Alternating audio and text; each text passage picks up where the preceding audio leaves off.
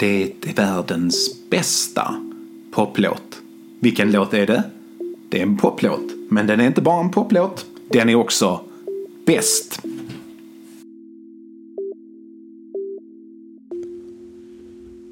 Världens bästa poplåt. Hej Shabaloba, shalom. Jag är Nils Karlsson och det här är ett avsnitt av världens bästa poplåt som kommer lite tidigare i ordningen än jag hade tänkt men vad ska man göra när världen är som den är? Det blir icke-linjärt berättande, det blir kopplingar till dagsaktuella händelser och det blir en hyllning till en människa jag inte för mitt liv skulle trott att jag någonsin skulle hylla. Margaret Thatcher. Nej, Nils har inte gått och blivit ungmoderat eller näringslivstankesmedja eller liknande. Ni behöver inte oroa er eller ringa psykvården eller så. Nej, det här blir inte ett avsnitt om marknadshyror eller inte. Fast jag kan inte låta bli att spela Malmöorkestern Desinformations 15 sekunder långa låt Bostadsrätter i mångmiljonklassen är lösningen på bostadsbristen hos låginkomsttagare. Men vi betar av den direkt. Här är den.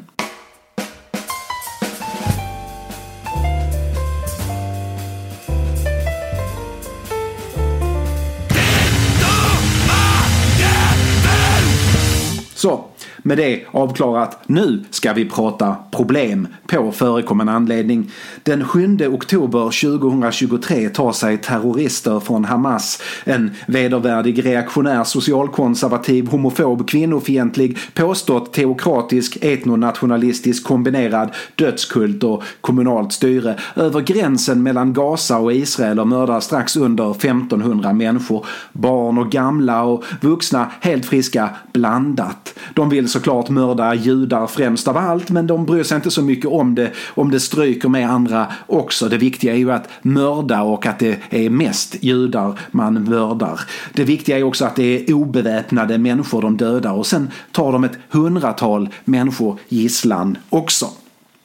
Medan massmordet fortfarande pågår ger sig några hundra människor runt om i Sverige ut på gatorna och firar den stora segern mot Israel och mot judarna och det skjuts raketer och det är festligt. Människor som jublade över att ungdomar som dansat för fred mördats. När den första glädjeuran lagt sig är det dags för diskussionerna och samtalen och förståelsen.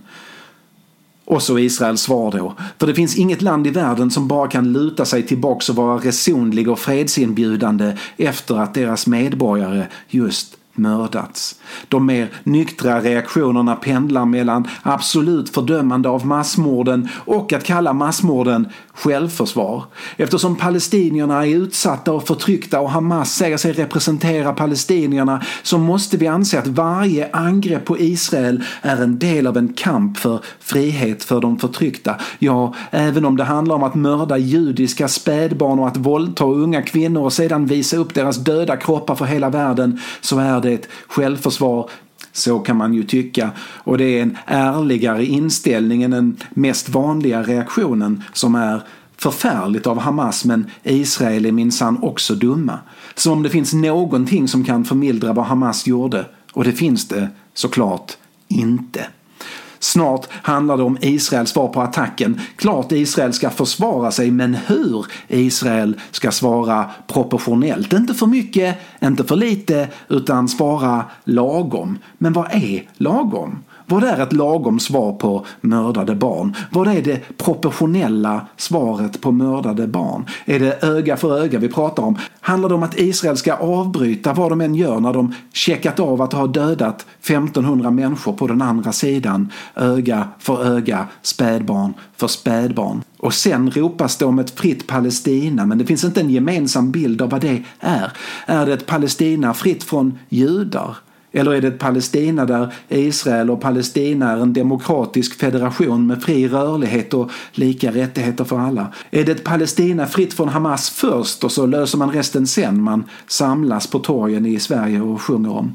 En förlorad generation av demokratisk fredsrörelse i Israel mals mot en förlorad generation palestinier och för varje människa som dör växer hatet. Den andra avhumaniseras ännu mer. Det kan verka hopplöst, det kanske är hopplöst, men vi är människor, vi tappar inte hoppet hur välmotiverat det än är att göra det. Det är dags att tala om hopp. Hopp och om en låt som inte borde finnas. Vi börjar med att röra oss till 1971. John Lennon och Paul McCartney har lagt The Beatles bakom sig och Lennon har gett ut skivan Plastic Ono Band som är den absolut bästa och mest makalösa LP som John Lennon och Ringo Starr någonsin spelat på. Plågsamt självutlämnande sjunger Lennon om sina rädslor sin ilska och sin sorg naket arrangerat trots att Phil Spector som verkligen inte är känd för att tycka att less is more producerar. Det är Johns röst och trummor bas och piano eller gitarr. Skivan hade såklart inte funkat utan att John först blivit Beatle-John och sen Valrossen och sen Fred och kärlek och Yoko-John.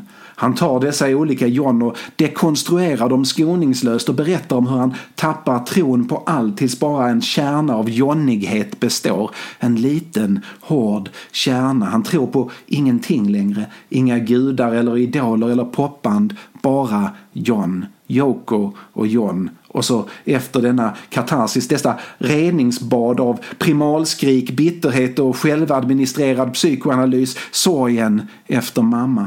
Min mamma är död, konstaterar han. Han hade inte tagit sig från det trots vrålen i slutet på Mother. Den John som finns tror bara på John och Yoko och han saknar sin mamma.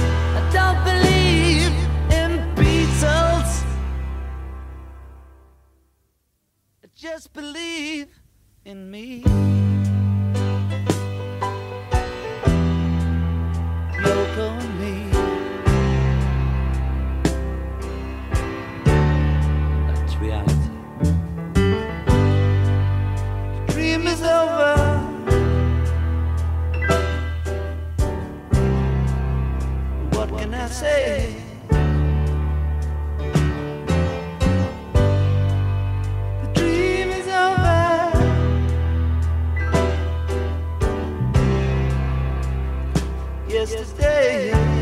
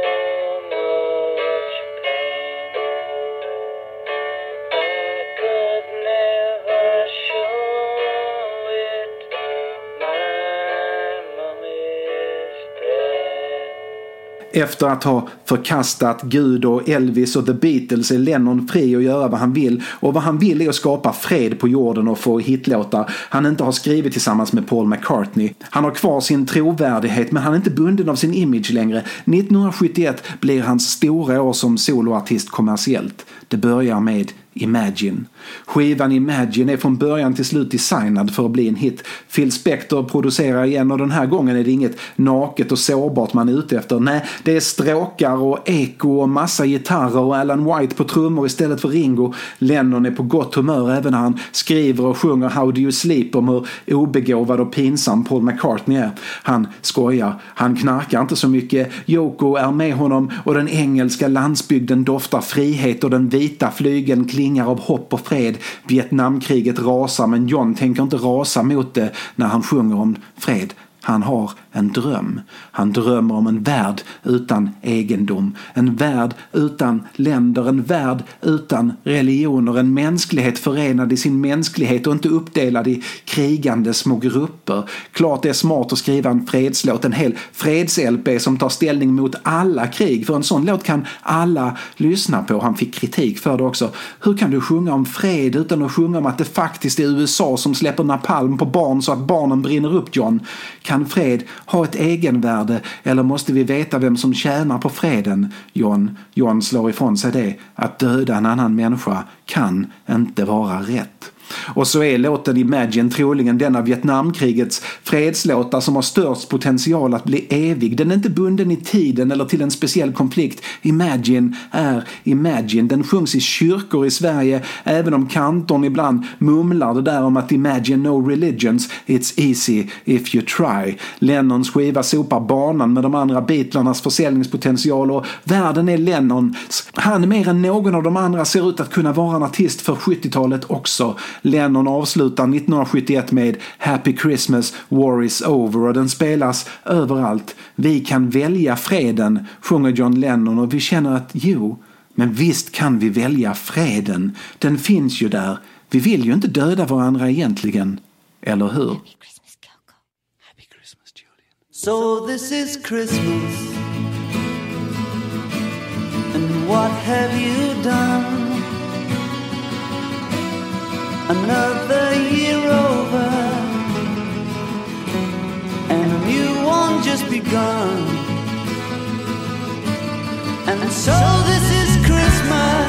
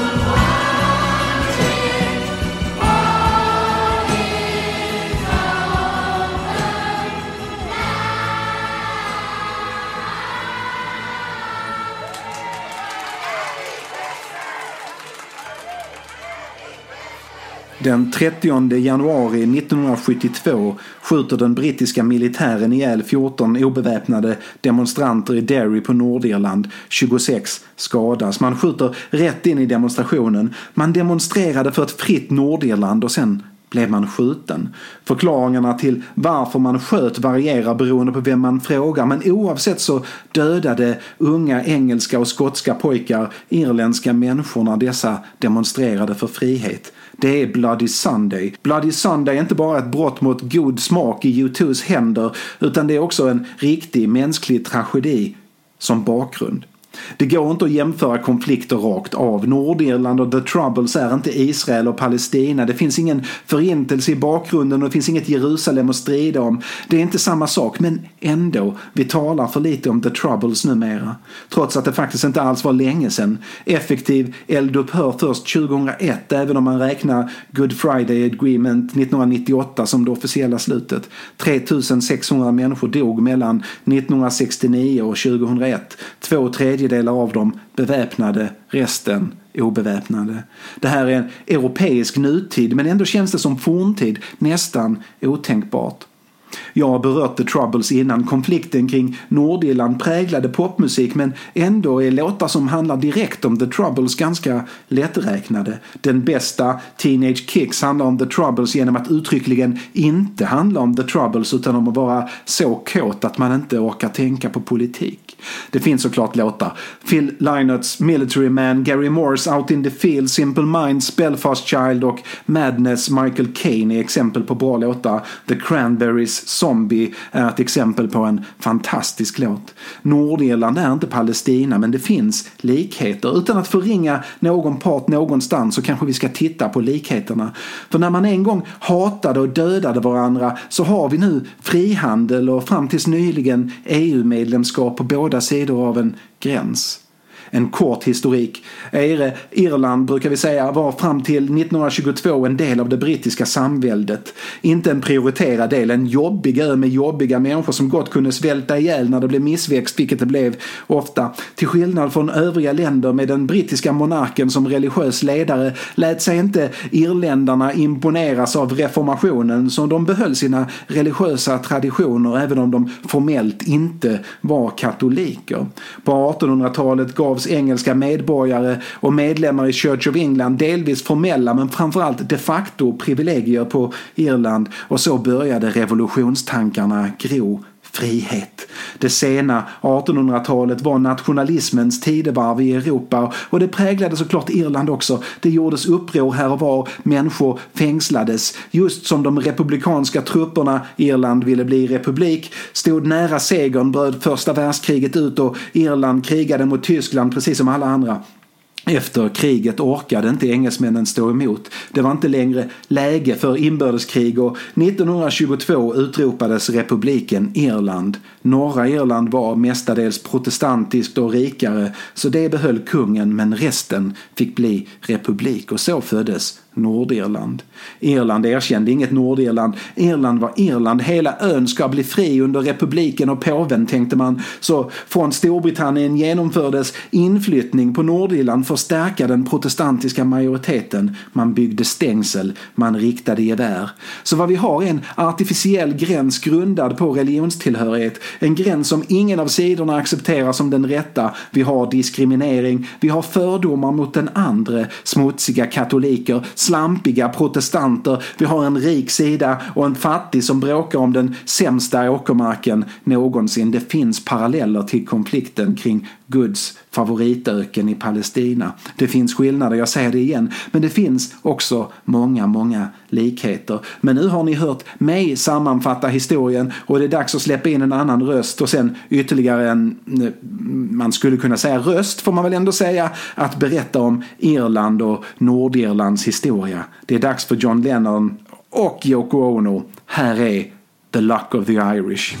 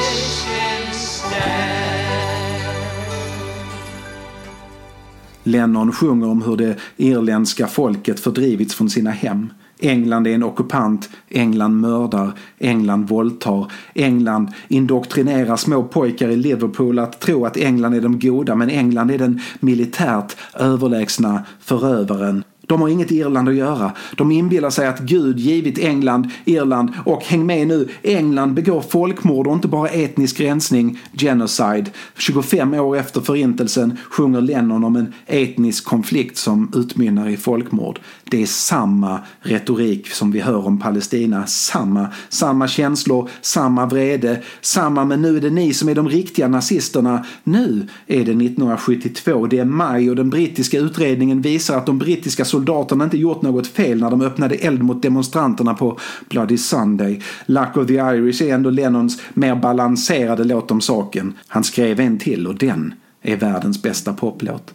Efter Bloody Sunday eskalerar konflikten. IRA, en kvarleva av den irländska frihetsarmén 1922, ser sig som en gerillarörelse som trappar upp våldet mot unionisterna på andra sidan. Den andra sidan organiserar sig också paramilitärt. Bomber sprängs, civila dödas. Grannar börjar se varandra inte bara som olika utan också som insekter som måste utrotas. Präster predikar att Gud är på just deras sida. Man spränger en bebis i barnvagn. Man spränger ett passagerartåg. England klubbar en lag om förebyggande internering. Utan bevis eller skälig misstanke får polisen och militären fängsla irländare som ser ut att kanske gilla IRA och fängslas på obestämd tid. Checkpunkter, ID-kontroller. För varje bomb som exploderar växer kraven på att England ska hämnas, utrota IRA, bomba deras samhällen till småbitar och det får kosta vad det kosta vill. Även vanligt folk krävde hårda tag, för vem som helst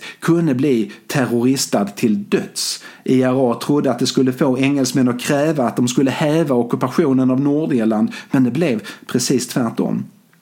Istället blev stödet för krig mot IRA större och större, starkare och starkare. 1979 vann Margaret Thatcher valet och blev Storbritanniens premiärminister. Och hon vann på hårdare tag och på kärnvapen och säkerhet och att krossa fackförbunden. Och någon vecka efter att hon tillträtt mördar IRA Lord Mountbatten, en hårdför militär som förvisso var pensionär men som krigat både mot Gandhi och Hitler och som var på Nordirland för att se till att protestanterna inte skulle behöva ta skit från någon. Allas ögon riktas mot Thatcher och man fruktar och förväntar sig mobilisering och krig. Det kommer inte.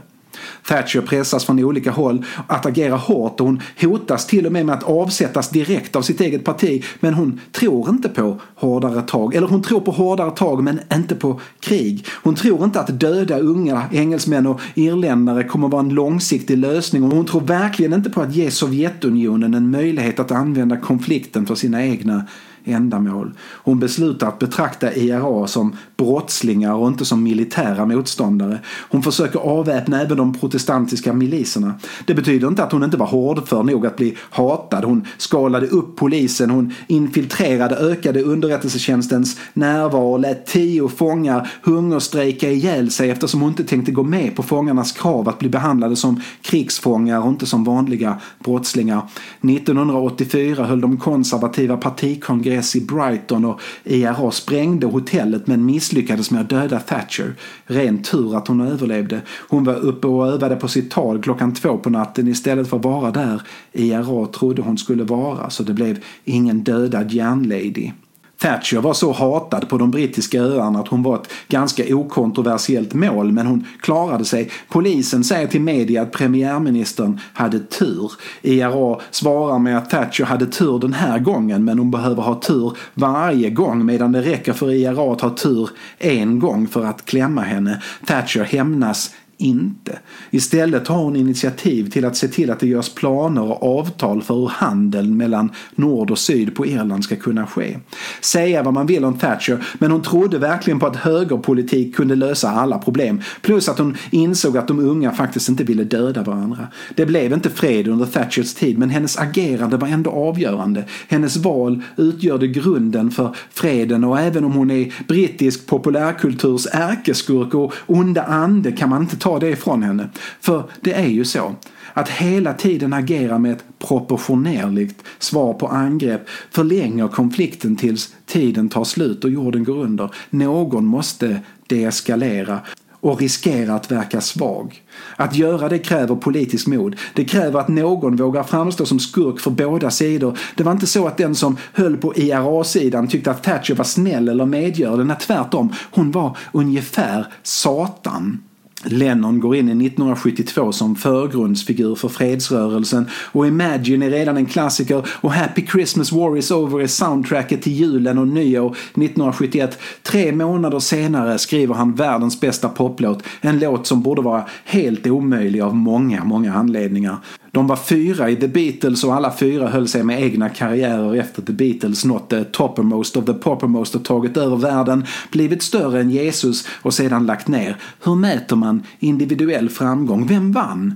George Harrison knockade alla med trippelskivan All Things Must Pass som visade världen många av de låtar som The Beatles tyckte var sämre än Maxwell Silverhammer och därför inte spelade in. All Things Must Pass är enastående, men den är också det enda som är riktigt, riktigt enastående i Harrisons karriär. Han var alltid bra, men han var aldrig riktigt bäst. Och han gjorde aldrig något så värdelöst att det svärtade ner hela hans karriär. Ringo gjorde och gör fortfarande när jag spelar in det här soloskiva på soloskiva och hans tredje, den heter bara Ringo, är en av de bäst säljande av The Beatles soloskivor. Den återförenar The Beatles 1973 och men inte samtidigt på samma låtar och den lyckas vara modern glamrock och rock'n'roll och listpop samtidigt. Den lider av att Ringo inte var i skick att spela trummor på större delen av den på grund av alkohol och droger. Så det Ringo gör är att sjunga och vara med och skriva låtar och den som följt Ringo i The Beatles vet att sjunga och skriva låtar inte riktigt är Ringos grej. Fantastisk trumslagare är han och det är talande att alla tre andra i Beatles använt honom på sina soloprylar. Som musiker är han den i bandet som bibehållit högst status. Den stora fighten var såklart mellan Lennon och McCartney, låtskrivarparet som nu skulle skriva på egen hand och bli stjärnor på egen hand. De bråkade offentligt, de skrev hatlåtar om varandra. Enda gången de sa något snällt om varandra de första åren var när någon annan sa något elakt. Mot omvärlden var de fortfarande Lennon McCartney mot alla andra. Försäljningsmässigt vann McCartney. Med The Wings sålde han mer skivor på 70-talet än The Beatles hade gjort under 60-talet och han fortsatte att ha hittar under 80-talet vilket inte Lennon kunde fortsätta med eftersom han sköts till döds 1980. Men musikaliskt förlorade han stort McCartney. Och även om han nu uppvärderat så var det Lennon och inte McCartney som i början såg som The Beatles stora geni. Det är galet märkligt att McCartney utanför The Beatles varit så konsekvent medioker i sitt låtskrivande. För i The Beatles skrev han några av de mest klassiska låtar man kan tänka sig och vissa av dem är helt tidlösa.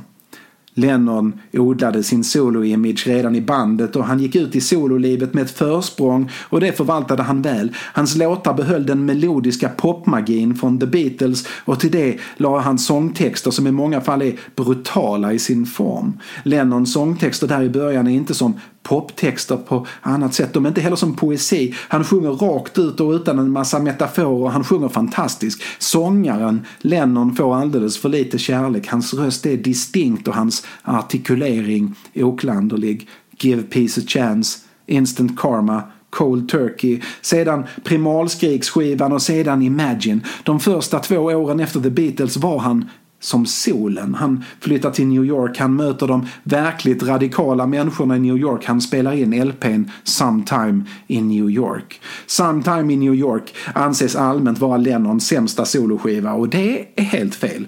Och om det nu skulle vara den sämsta så säger det inget annat än att snubben hade en grym lägstanivå men den är inte sämst. Skivan är otrolig och helt omöjlig. Det första som gör den omöjlig är att det är en dubbelskiva där första skivan är en liveskiva med Lennons sololåtar i riktigt dåliga inspelningar och sedan improvisationer tillsammans med Yoko Ono och Frank Zappas Mothers of Invention inför en förvirrad publik. Zappa själv skämdes över inspelningarna och hur Phil Spector mixade dem så han gav ut dem själv 20 år senare med låttitlar som A Small Eternity with Yoko Ono. För det var ju grejen. Lennon försökte lansera Yoko som sångerska och kompositör. Publiken gillade inte det. Det hade fortfarande känslan av att Yoko splittrat The Beatles, vilket såklart inte är sant. Och hon kunde skriva låtar, sjunga, Not so much. Andra skivan på Sometime in New York City är nya låtar, verkligen nya låtar. Lennon och Ono skrev som reaktioner på nyhetshändelser eller böcker de läste och de spelade in snabbt. Det gör att musiken på skivan är färskt och oslipad. Det är inte låtar som stötts och blötts länge. The Luck of the Irish som vi hörde innan är den enda som Lennon haft i skrivbordslådan ett längre tag. Det gör att musiken ibland känns lite väl enkel om man nu tycker att musik inte ska vara lite väl enkel. Men på många sätt är musiken en föregångare till punken. Punk om den spelats av 68-vänstern med feta arrangemang av Phil Spector. Lennon använder sig inte av sitt vanliga gäng kompmusiker heller. Nej, han hittar politiska funkrockorkestern Elephants Memory i New York och gör dem till sitt kompband. De hade en sångerska, Carly Simon, hon som skrev och sjöng You're So Vain om Mick Jagger och som Jagger i sin tur skrev Starfucker om. Hon som några år senare skulle toppa USA-listan med ledmotivet till James Bond-rullen The Spy Who Loved Me All Time High.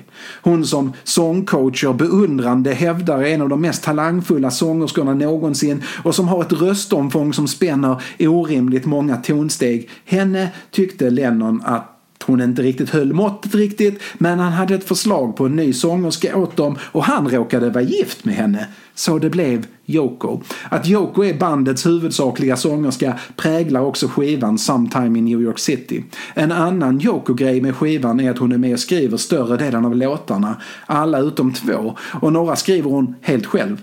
Det hade kunnat bli katastrof men Yoko skriver inte dansbandslåtar om bläckfiskar och deras trädgårdar i havet som kan bli resultatet annars när, när Lennon släpper fram andra låtskrivare än sig själv. Men det blir inte alls dåligt. För Yoko kan skriva musik. Men det är Lennons låtar som är bäst. Musikaliskt och textmässigt. Och han tar inga fångar. Sångtexterna på Sometime in New York City är inte likt något annat. Det är politiskt väldigt politiskt. Politiskt utan några som helst omskrivningar. Det hade kunnat bli hur patetiskt löjligt som helst för Lennon var inte någon intellektuell analytiker som funderat över saker i all evighet innan han skriver och han var inte heller någon ilsken protestsångare som bara vrålar ut sin vrede över världens tillstånd. Hans texter har mer det djup en smart gymnasieungdom som upptäckt ett ungdomsförbund har. Och det funkar.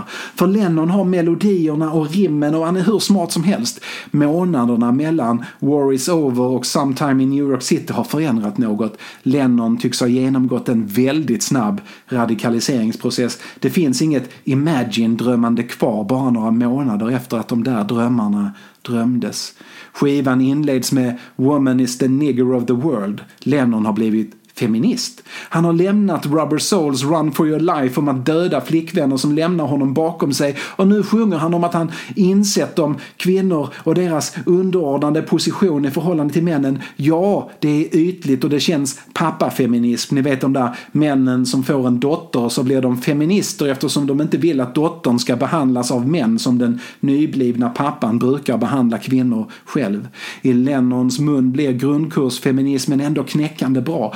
Eftersom han inte kör med omskrivningar alls utan bara sjunger som det är går det inte att ducka.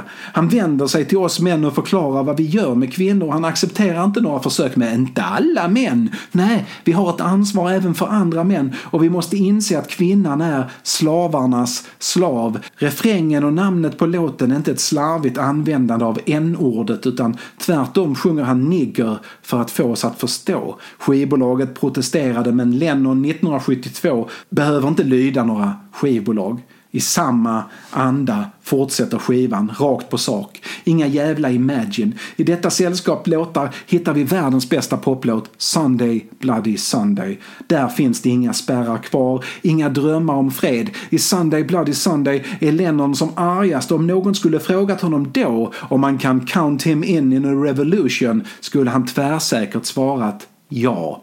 Det är något med vänsterinstinkten att alltid ta den svagare partens sida i en konflikt som ibland leder till man landar en aning fel. Orden blir större medan konflikten förenklas. Allt det där har Sunday Bloody Sunday och förutom att den handlar om Irland så bockar den av hela den västerländska solidaritetsrörelsens inställning till Palestina under sina fyra minuter oförskämt bra rockmusik. Det är så grovt att det nästan inte går att lyssna på låten men man måste lyssna på låten eftersom det är den allra bästa låten. På ett par månader har Lennon alltså lämnat War is over och Imagine No Religions till att sjunga om att de som dödades på Bloody Sunday är martyrer. Det religiösa smyger sig in direkt och vi lyssnare måste fråga oss vad det säger om konflikten. Lennon visar direkt på vilken sida han står, men är det verkligen så självklart att välja den sidan? Visst, England är den starkare parten, men vad står republikanerna för? Är det kraftigt katolskt styrda Irland verkligen detsamma som ett fritt Irland? Är det frihet att ha fängelse i straffskalan för homosexualitet? Är ett totalförbud mot abort verkligen rimligt? Är det värt runt 20 döda kvinnor per år i osäkra aborter att upprätthålla det. Samma fråga bör vi ställa om Palestina. Är ett fritt Palestina verkligen något som Hamas kommer kunna leverera eller är deras vision för Palestina ett Palestina med religiöst förtryck? Fast utan judar. Det spelar ingen roll för Lennon. Han har blivit nationalist. Han imagine inte längre en värld utan gränser och religion. Nej, nu bejakar han dem istället. Ett, inte ens ett halvår efter Imagine. I alla fall inledningsvis. Första versen slutar med att Lennon önskar att några brittiska soldater skulle dött. I andra versen förklarar han 1922 års gränser för ogiltiga eftersom England inte har någon rätt att dela upp Irland. Han förbannar lagarna om preventiv internering av misstänkta terrorister och han har ju helt klart en poäng när det gäller rättssäkerhet, självklart. Men det är också så att hans ord speglar sådant som sägs om Israel idag. Sen sjunger Yoko Ono refrängen och hon gör det kraftfullt och det är omöjligt att inte sjunga med medan Lennon i bakgrunden sjunger Do it, do it, do it om motståndet. Andra versen uppmanar till våld mot engelsmännen. It's those mothers turn to burn. De ska lära sig en läxa och därifrån blir det bara värre. Olidligt värre. Engelsmän och skottar är grisar. Deras flaggor är blodsbesudlade. De är kolonisatörer som ska bort från ön. Keep Ireland for the Irish, put the English back to sea. From the river to the sea, fast på Irland och inte i öknen. Samma ord och slagord då som nu. Engelsmännen har koncentrationsläger. De har startat en ny förintelse och engelsmännen ska repatrieras bort från ön. Lennon klistrar hela Nazityskland på England och det är såklart pinsamt och svårt att lyssna på men sista ordet på sista versen är förlösande briljant och det får låten att fungera trots allt. Ett ord kan göra enorm skillnad. Lennon pekar på en frihet större än bara friheten från den engelska ockupationen utan också från Rom. För en irländare betyder Rom påven, katolska kyrkan. Keep Ireland for the Irish, not for England or for Rome. Alla bojor ska bort. Det är rock och det är roll och det är ilska och det är övertoner om nazister och det är fantastiskt. Det är inte fred och harmoni på något sätt men är det verkligen fred vi vill ha? Till varje tänkbart pris. Fred är inte samma som frihet och Lennon säger det hur tydligt som helst. Det går inte annat än att älska låten men det var inte fler martyrer eller repatriering av protestanter som fick människor att sluta mörda varandra på Irland. Vrede och konflikt har sin plats. Pacifism fungerar bara om alla andra också är pacifister. Men när det kommer till kritan så blir det inte slut på något våld förrän våldskapital kompletteras med en önskan om att sluta mörda. Att ungdomarna kräver att få sluta mörda varandra och kanske frihandel och kapitalism. I alla fall fungerar det på Irland. Irland är inte Palestina och förutsättningarna är annorlunda. Inte minst som bara en av sidan utan mycket god vilja kan kallas för en demokrati i Palestinakonflikten. Men tänk om Imagine rent av en Margaret Thatcher som premiärminister i Israel eller som ledare för Hamas. Imagine en pragmatisk ledare. Imagine Thatcher. It's easy if you try.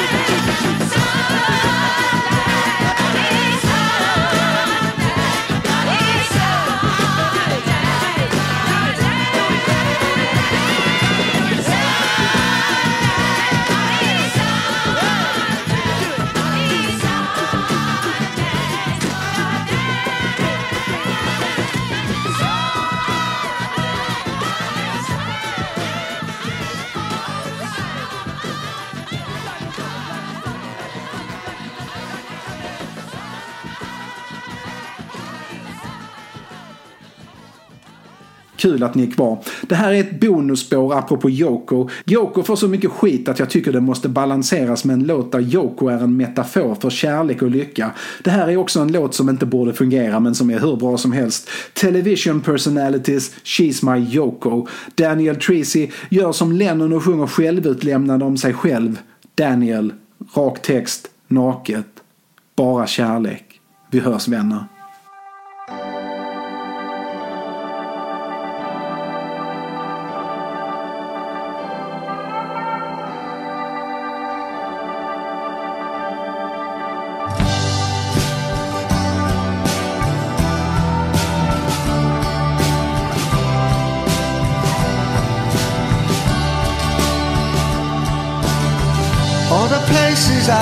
Been, all the places I have seen, well, that's me.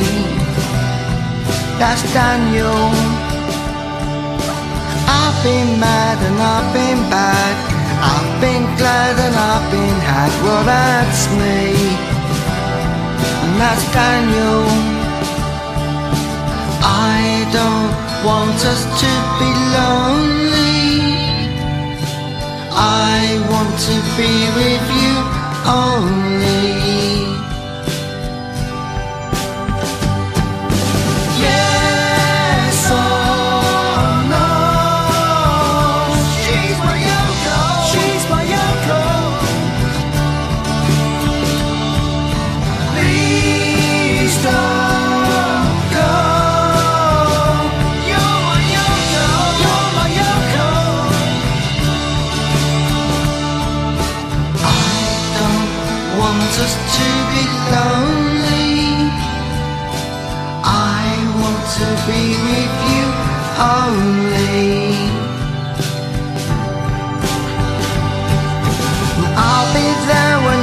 Comes in. I'll be the one on the quayside waiting to greet you.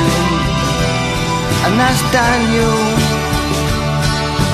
I've been mad and I've been bad and I've been glad and I've been had. Well, that's me. That's just Daniel.